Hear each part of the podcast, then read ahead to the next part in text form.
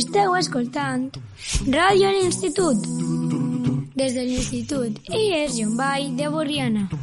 He come flat up, he come grooving up slowly.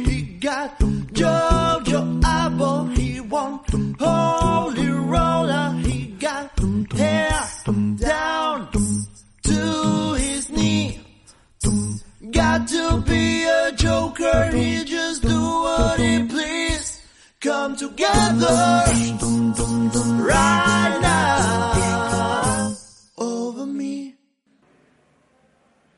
Salutacions de nou des del hall del IES Llombai de Borriana, on estem fent este circ radiofònic amb tota la fauna que formem l'ecosistema d'aquest institut. Alumnes, professors, equip directiu, futurs alumnes que estan allà assentats, antics alumnes.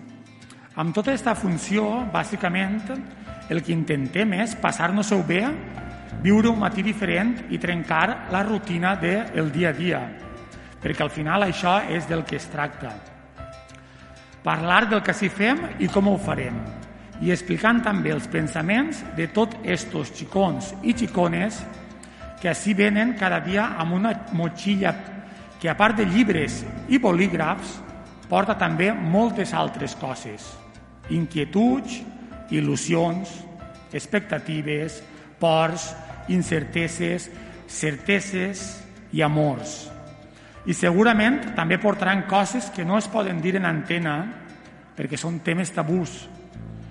Tabús que moltes voltes són els temes més interessants, però que per raons que tots sabem cal parlar-les en altres llocs. Però ara, en aquesta secció que així encetem, hem de parlar d'una de les coses que més ens agrada a tots. Una cosa que sempre busquem per a que ens faça passar moments agradables i moments xulos. Que jo no conec cap persona en els 41 anys de vida que portem que diga que no li agrada. Ara anem a parlar de música, però de música amb M majúscula.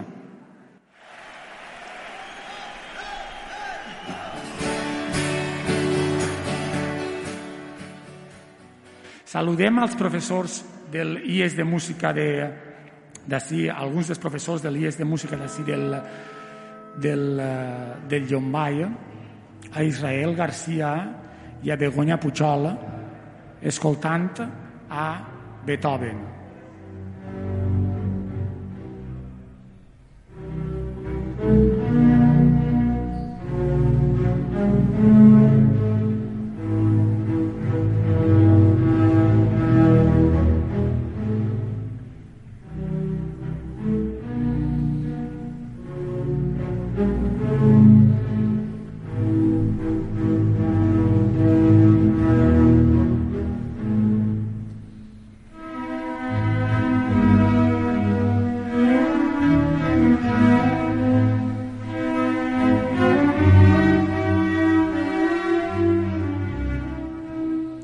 Israel i Begoña, vos impressiona començar a parlar que vos introduïsquen en Beethoven?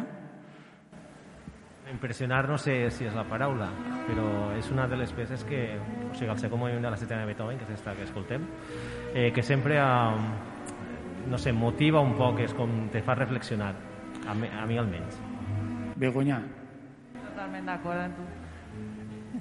a voltes, jo ara estava parlant eh, i me donava la sensació que quan parlava anava a cagar-la, perquè si està sonant Beethoven i parla Pau, pareix que vaig a cagar-la perquè sempre ho faràs pitjor.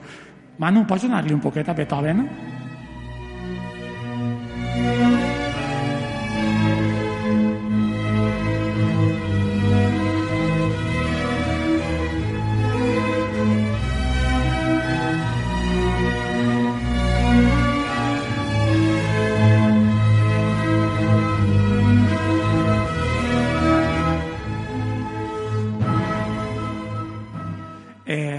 Begoña, en què vos fan esta pregunta? Per a què serveix donar música en l'institut? I si vos la fan, què responeu? Pues els alumnes que tinc a totes hores, o quan no les agrada el tema, per a què serveix la música? pues serveix per a tot. Jo les dic que serveix per aprendre llengües, que serveix per a comptar com a matemàtiques, per a ser millor persona. Està present en tot en els nostres dies i serveix per a tot. Tu què respons, Israel? Eh, en, per la meva part, jo sempre dic que a mi la música m'ha ajudat a organitzar-me. Eh, sempre és difícil organitzar-se per a estudiar i per a quadrar-se horaris i això. I jo recorde que des dels 12 anys aproximadament, que és quan vaig començar a, més o menys seriosament a estudiar ja música, ja sabia de quantes necessite per estudiar això, quan m'he de deixar d'estudiar allò, és com, ja vas controlant moltíssim. I quan arribes a, a la zona institut o, o ja a nivell universitari, és una gran avantatge que a altra gent li ha costat molt més temps a, a adquirir. Israel, eh, Begoña, gràcies per estar així amb nosaltres. Eh, jo tinc una, una cunyació feta per quan els meus alumnes em pregunten per a què servís la sintaxi, te la passaré. Vos la passaré, que se pot aplicar perfectament a la música, perquè al fi i al cap és el que, el que acabes de dir, organitza el pensament. La música ajuda a organitzar el pensament. I d'ací, d'aquest institut, volem que isquen persones formades, organitzades, en el cap ben, ben clar, no? per a que no es pugui ningú enganyar. No? Però estem parlant de música. És una de les coses que, que més evocadores és. Escoltes la música, no, no, com dia Pau, no hi ha cap persona que no li agrade la música, no? Però estudiar música, estudiar música, no gaudir de la música, sinó estudiar música, té algun sentit i hi ha alguna diferència en, entre com s'estudia música així i com estudia, per exemple, a la resta de països, estic pensant en Àustria, per exemple, en Alemanya, que possiblement ho conegueu, hi ha alguna diferència de la importància que es dona a la música així en el nostre país que fora? Bueno, eh, jo vaig fer un Erasmus a Suïssa i les meues companyes de pis me deien que quan anaven a l'institut tocaven instruments. Una tocava el violí, una altra tocava el piano, així toquen la flauta i enguany... Els Però, meus perdona, alumnes- en l'institut tocaven el, Sí, el, sí. el violí i el piano. I tot el món sabia lo difícil que era estudiar música i les hores que dedicaven. Així pareix que siga pues, música. Si foreu el ministre d'Educació o el conseller Vicent Marçà, quines coses afegiríeu o llevaríeu eh, en la vostra assignatura? Crec que tot eh, depèn d'una cosa que és el que més costa de fer, que és posar els diners. Perquè jo no crec que sigui una qüestió de propostes, propostes ne tenen contínuament, però eh, quasi sempre l'excusa és no hi ha diners, no hi ha diners. I n'hi ha coses que no costen diners. Jo, per exemple, sempre m'han dit que és una utopia ensenyar a, o fer cantar a xiquets en, en l'institut. I jo dic que és l'instrument més barat que existeix i a més el portem incorporat. I no és lògic que una mare tinga un fill, li cante i que arribem a l'adolescència i ningú canta. És una cosa que no he entès mai. Des del meu punt de vista és una cosa naturalíssima que haurien de fer sempre i és supereconòmica. I ja no estic parlant de grans empreses ni grans idees. Per a mi és una cosa que hauria ser essencial per a la veu, per a cantar, per al dia a dia. Saber-se comunicar d'una altra manera que seria cantant. que fer la carrera de música requereix una dedicació molt exclusiva. I en 15, 16, 17 anys, quan els altres amics, jo ho sé perquè amics meus eh, són músics professionals i sé el que jo feia quan tenia 16 anys i, i on estaven ells, que estaven eh, estudiant, fent més hores que un rellotge. Per a vosaltres dos, ha valgut la pena? Tornaríeu a estudiar la carrera de música? Jo sí, sense dubtar-ho. Sí. sí. Les hores que has invertit He invertit moltes hores, he estudiat 8 hores al dia, però m'ha donat la vida. He pogut viatjar, conèixer a gent, diferents cultures, expressar-me. Tornaria a fer-ho sense dubtar-ho. Israel? Eh, jo no, no he sigut tan estudiós com ella, no, no feia tantes hores, però, però sí, sí, repetiria, sí. Vull dir, eh, el que em dona la música no m'ho no dona altra cosa i, sincerament, si no fera això no sabria a què em dedicaria. De fet, va ser l'impàs en l'institut de què estudies? Estàs ja acabant batxillerat, que vols estudiar, i arriba un punt que dius és que el que m'agrada és fer això, no, no m'he passat altra cosa pel cap. I sí, les hores que facin falta, eh, diguem-ne que tot i esforç, al final arribes, fas un concert, fas una actuació, n'hi ha dies que toques, que te diré jo, en un lloc especial com pugui ser un Palau de la Música, un Palau de les Arts o fins i tot a l'Auditori Nacional, i simplement eh, tot el camí recorregut fins allí, ahir és on val la pena, és, Ja. he arribat a la meta. I uh, sigueu sincers, eh? que ara és fàcil no ser sincers en aquesta pregunta que vos faig. Escolteu música? Home, jo música escolto tots els dies. Quina música escolteu? Ahí anava jo, dic. eh, a mi, vull dir, jo intento eh, escoltar un poc música de tot. He de reconèixer que hi ha certs tipus de música que no escolte, perquè no m'agrada. O sigui, no és per no voler saber què està. Eh, però sí que és cert que escoltar fins a música d'esquimals, per dir alguna música així més estranya, i és molt curiosa. No m'agrada, perquè no és una música que, que m'agrada, però sé que està ahí, és, és Ja. curiosa i he de conèixer-la, sí. I tu, Begoña, escoltes música? Jo escolte de tot. Escolte música clàssica, escolte la Reggaeton. música d'avui en dia, pues, Reggaeton també? quan estic al gimnasi, Els vostres alumnes, quina música creieu que escolten? Jo no ho crec, jo ho sé, ho, he preguntat. Antes de que, abans de que contestes, quan escolten aquesta música, eh, a veure com ho dic sense ofendre-los perquè estan ahí, eh, te sents eh, que has fallat com a mestre? No, jo crec que el, el que ha fallat és la societat en si, no, no és una qüestió del professorat, que el professorat ensenya el que sap fer i de la millor manera. I després és la indústria la que decideix per on se va. O sigui, ahir no decidim els professors. I és el més econòmic o el, més, el que resulta més, però econòmicament, no, no és una qüestió de, de musicalitat o de qualitat de la música.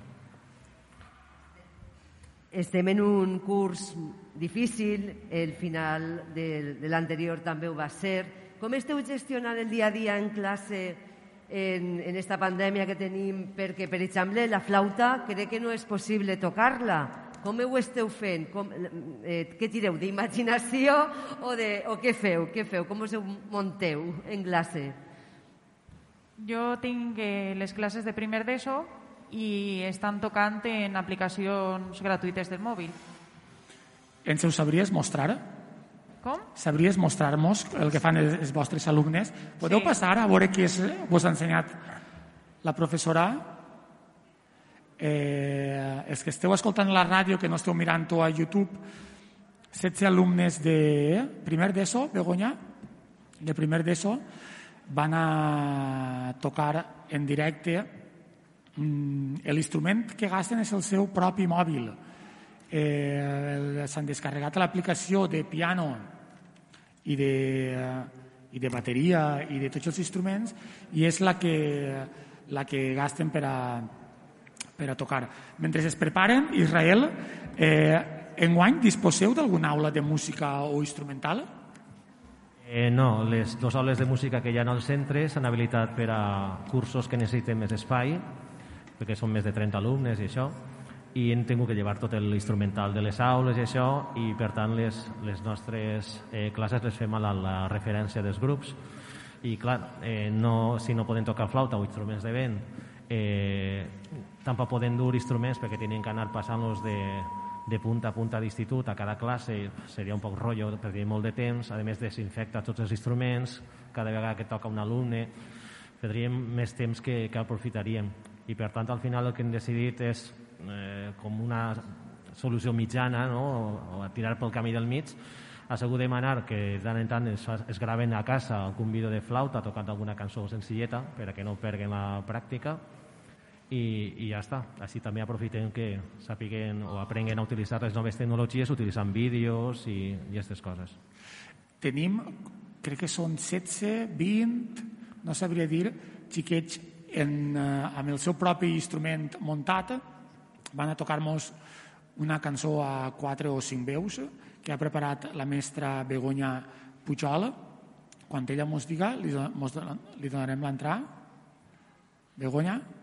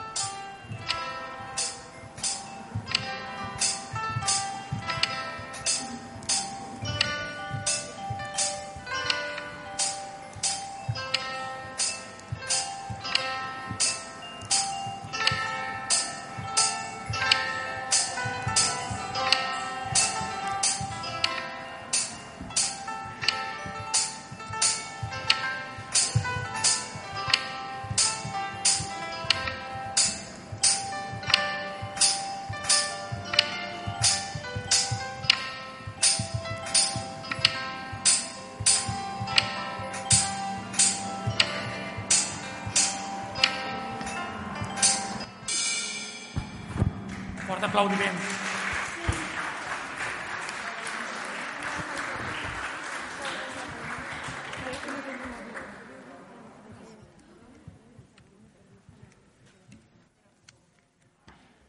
Hem escoltat música en directe des del, des del hall del IES Llombai de Borriana amb els alumnes de primer d'ESO utilitzant el propi mòbil com a instrument de, de melòdic i rítmic que és el que fa l'haver tingut que gastar molta la imaginació per pa seguir amb les, eh, amb les classes en època de pandèmia. Israel, si mires el que escoltaven els nostres pares quan eren joves, el que escoltem, escoltàvem nosaltres quan érem adolescents en tasquetes, i el que escolten, escolten ara els xicons, eh, hem anat a millor, a pitjor, o s'ha de veure des d'altra manera? Jo crec que s'ha de mirar sempre en perspectiva. Tampoc podem dir que és millor o és pitjor, diguem que és diferent. És com si ens posarem ara a avaluar que la música del segle XVI era millor que la del XVIII o que la que fem actualment en el XXI. Diguem que els contextos són diferents i no... Eh, diguem que eh, sempre s'ha de jutjar en, en distància, no? Perspectiva. Sí, perquè si el jutgem des de l'actualitat segurament a lo millor no, no ho fem justament. Eh, he de dir, evidentment, que, el, eh, com he dit abans, eh, les vendes o la música actual que està feta per a vendre's el que busca és això, una venda ràpida i consum ràpid, com en molts materials o fins i tot en, en menjars. O sigui, és venda ràpida i, i si arriba en una horeta, millor que si arriba en dos dies. La, la música, com qualsevol disciplina artística, no pot deslligar-se del món en el que viu. Per això és el que comentaves que eh, és un moment de rapidesa on el primordial, allò més important és que aconseguir la satisfacció ràpida i la música també produeix molta satisfacció, però en aquest cas, no, en la música actual en general, en general, bueno, això és molt lleig, això de generalitzar, però sí que hi ha molta part eh, d'un component això, de, de consum ràpid i oblidar, i passem a una altra cosa. Lídia, vaig a contar-te una xicoteta història que va passar en l'any 93. La banda, ja, també, eh, tirant de Abuelo Cebolleta, la banda del meu poble se va organitzar de Fortaleny en l'any 1993. Anarem a... Eh, mos apuntarem tots a solfeig, per primera volta n'hi ha bona banda, i al poc de temps de formar-se com a societat anarem a, a Sueca, al poble del costat, i eh, per no, ni, ni érem banda, ni teníem tratge de músic, ni teníem instruments, però organitzaven un desfile de bandes en Sueca i el president mos va fer anar. Fernando Martínez, un personatge enorme.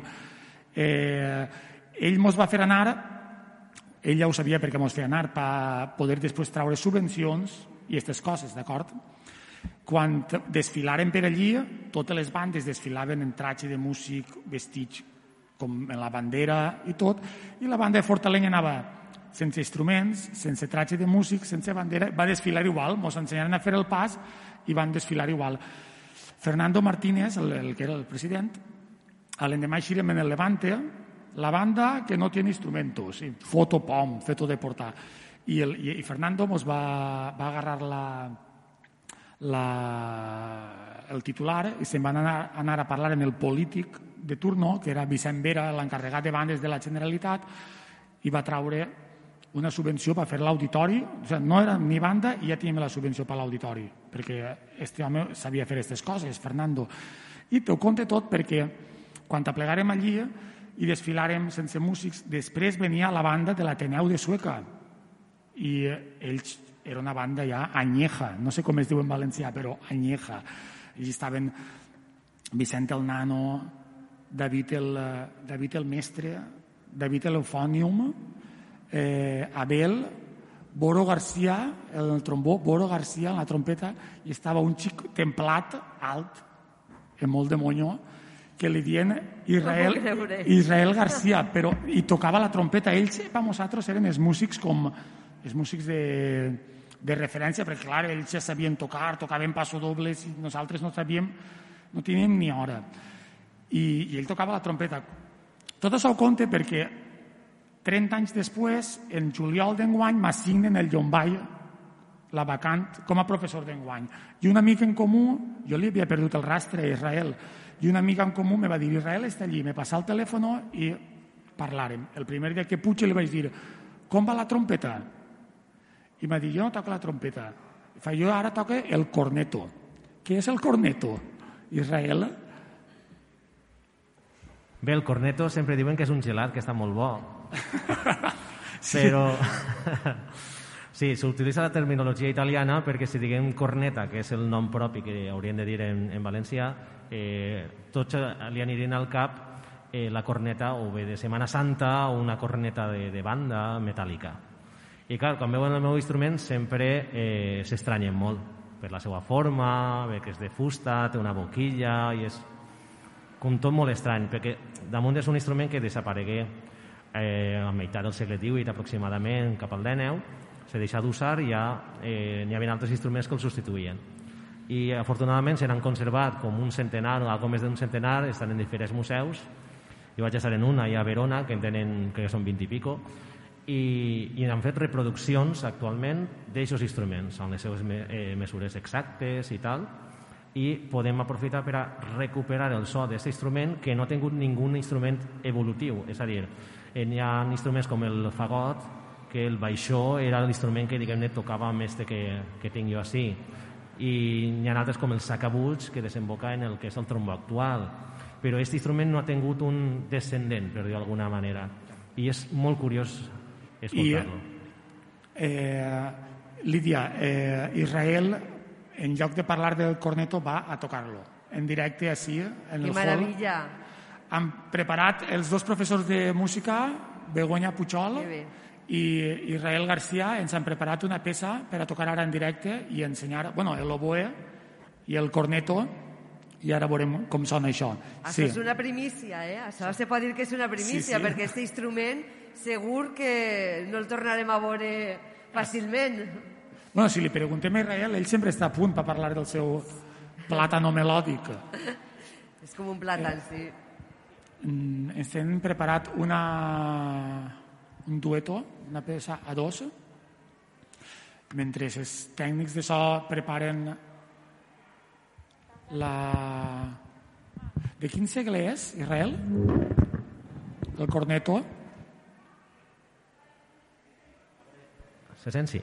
Eh, no podem posar-li una data exacta. Hi ha iconografies de l'edat mitjana que ja apareixen instruments que sembla ser que és un corneto, però més bé, com és un instrument que se sembla més com una banya, per això lo de corno, eh, igual eren instruments que no era el corneto i era un altre i eren molt semblants. Però vaja, segur, segur, segur, ja en el Renaixement sí que hi havia. Eh, els primers contractes estables d'aquests instruments apareixen a, a la península en la catedral de Sevilla, si no recorde mal, per l'any 1526. Vull dir que ja té història. Molt bé. Quina, quina peça aneu a tocar? Eh, anem a tocar una peça de Biagio Marini, un compositor italià del segle XVII. Bueno, esta és de, de l'inici del XVII, que és quan, diguem-ne, més auge tenia l'instrument este. Molt bé. Eh, entre tots vosaltres, la, la peça este que mos ha explicat el, el professor Israel Garcia és músics Israel Garcia i Begoña Puchol.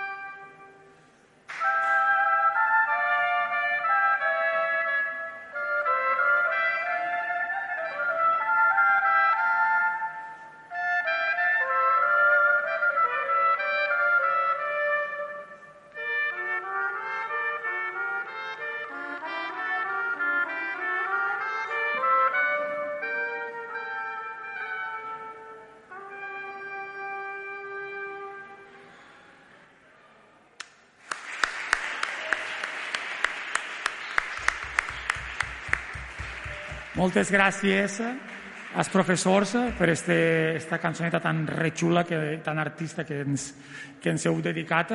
No és un milagre, és un milagre que isca ese so tan, tan bonic de- d'un plàtan, com has dit, de, de fusta, me pareix meravellós. Moltes gràcies, parella de mestres. Per acabar la secció, el professor Israel Garcia havia triat una cançó, una peça, que ara ens dirà quina és. Israel? Bé, la peça va ser com un exemple, demanaves una peça i la primera que em ve al cap és, és eixa. Eh, és d'un d'un compositor que es diu Claudio Monteverdi, compositor que diguem-ne s'enllaç entre el, el Renaixement i el Barroc. Eh, ell està al voltant de... Bueno, diguem-ne que la primera òpera coneguda o famosa és l'Orfeo, justament d'ell, de, de Claudio Monteverdi, i, vaja, seguint cornetista, eh, Monteverdi és un dels referents, entre altres coses, perquè ell utilitza aquest instrument i, a més, no sol, sinó eh, en parelles o fins i tot en trios d'instruments d'estos, a banda d'una orquestra més gran. La peça és el Magnificat de les vespres d'aquest autor, de Claudio Monteverdi. Doncs moltes gràcies, Begoña, moltes gràcies, Israel, moltes gràcies, Lídia, i endavant amb Monteverdi.